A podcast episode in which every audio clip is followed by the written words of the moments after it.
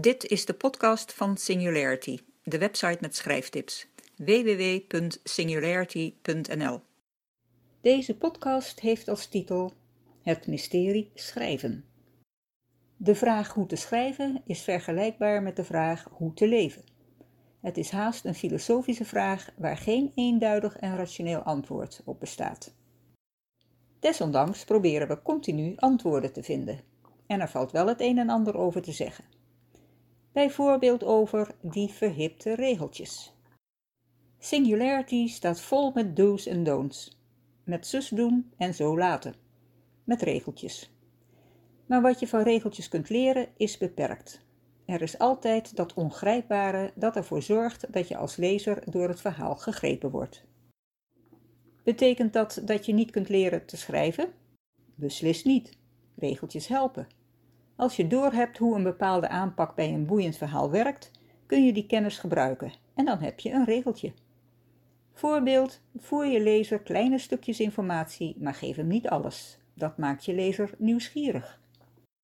Maar die analytische, rationele aanpak is niet genoeg. Als je alle regeltjes opvolgt, is er dan een garantie dat je een bestseller gaat schrijven? Nee.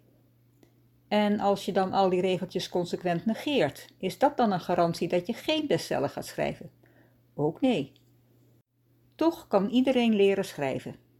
Iedereen heeft een vonk in zich waarmee hij of zij een boeiend verhaal kan verzinnen en dat ook nog eens boeiend kan vertellen. En met iedereen bedoel ik ook echt iedereen. Ook jou.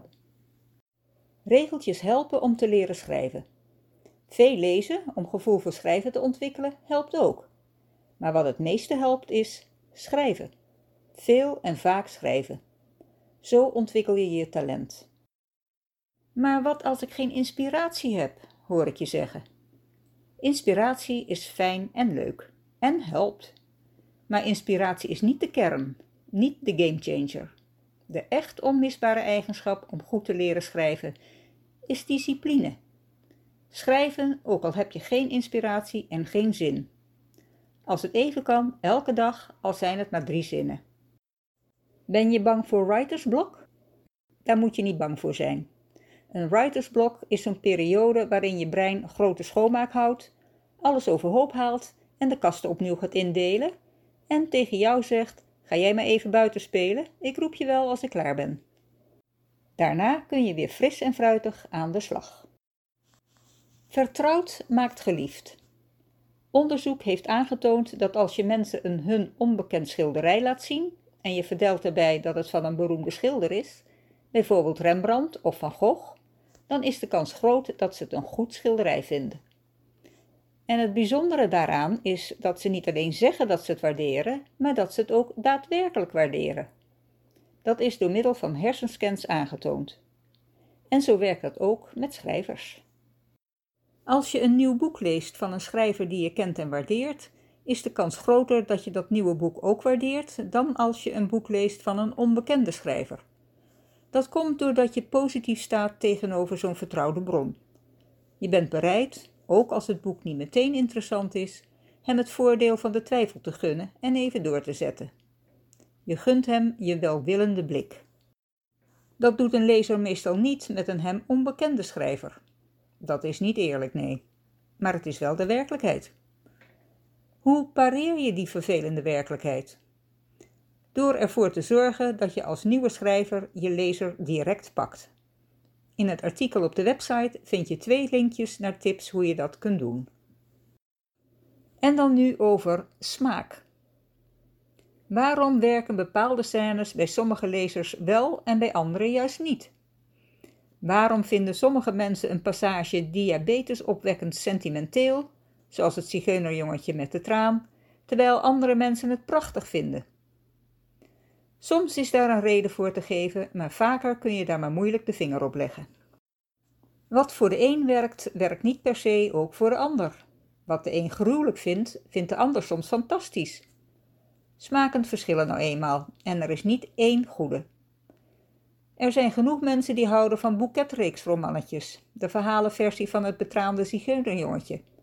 En daar is niets mis mee. Ze worden in alle lagen van de bevolking en door alle leeftijden gretig gelezen, ook door mannen. Net als bij muziek, architectuur, kunst, mode en nog veel meer zaken, wordt je smaak gevormd door wat je hebt meegemaakt, door je omgeving en je achtergrond, door je genen, door de bedrading van je hersenen, door stofjes in je brein die aan of juist afwezig zijn, door nature, nurture en nog veel meer. Smaken verschillen en smaken veranderen. En sommige smaken zijn een acquired taste. Lezen is als eten. De ene lezer geniet van een ongecompliceerde recht toe recht maaltijd met vertrouwde smaken. De andere zoekt juist de nuances en smaakverrassingen van een drie-sterren restaurant. Een Noma, een El Bulli, inmiddels niet meer bestaand. En neemt het risico op een teleurstelling of zelfs walging op de koop toe. Laat je bij het schrijven dus niet leiden door wat je denkt dat literair is of goede smaak, maar door wat bij jou past. Conformeer je niet aan externe normen, maar vind uit wat jouw ding is en laat je leiden door intrinsieke motivatie. Want er is nog nooit iets nieuws, origineels of verfrissend voortgekomen uit het nadoen van anderen en het volgen van de mainstream. Over context.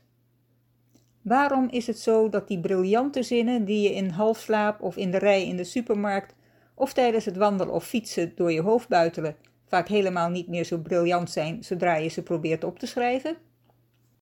Tja, vaak is dat doordat de context verdwenen is. Vergelijk het met een mooie romantische of juist spannende scène in een film. Verwijder de muziek, de kleurenfilters en je verwachtingen en gemoedstemming die zijn opgebouwd uit alles wat eraan vooraf ging, en die filmscène ziet er ineens veel minder indrukwekkend uit. Wat niet betekent dat je die zinnen maar moet vergeten, zeker niet. Ze hebben waarde. Noteer ze ergens zoals je ze herinnert. Het hoeft geen vloeiend proza te zijn. En schrijf er zoveel mogelijk van de context en de aanleiding bij. Hoe kwam je op die gedachte? Waarom trok je die conclusie? In welke scène zou het passen? Enzovoort. En je zult zien, meestal komen die zinnen vroeg of laat van pas. Een opsteker. Als je denkt dat je iets kunt, dan kun je het ook. Althans beter dan als je dat niet denkt. En dat is geen goeroe-achtig verkooppraatje, maar een wetenschappelijk bewezen feit. Gebruik dat om te geloven in jezelf als schrijver. Durf ambitieuze doelen te stellen. Als je rijdt naar de zon, dan lukt het misschien niet om de zon te pakken te krijgen, maar wellicht wel de maan. En wie wil de maan nou niet hebben? Een van de bijkomende voordelen van schrijver is dat je je personage alles kunt laten zeggen en dingen kunt laten doen die ver buiten je eigen comfortzone liggen. En weet je wat nog mooier is? Soms trekt dat trieste romanpersonage je zomaar mee in haar vermetele, onverschrokken en stoute woorden en daden. Schrijven geeft je macht. Je schept een wereld zoals jij die wil hebben. Good for you! Ik ben aan het einde gekomen van deze podcast. Tot de volgende! Oh ja, vond je het leuk? Heb je er wat aan? Maak me dan blij door het te delen. Dankjewel.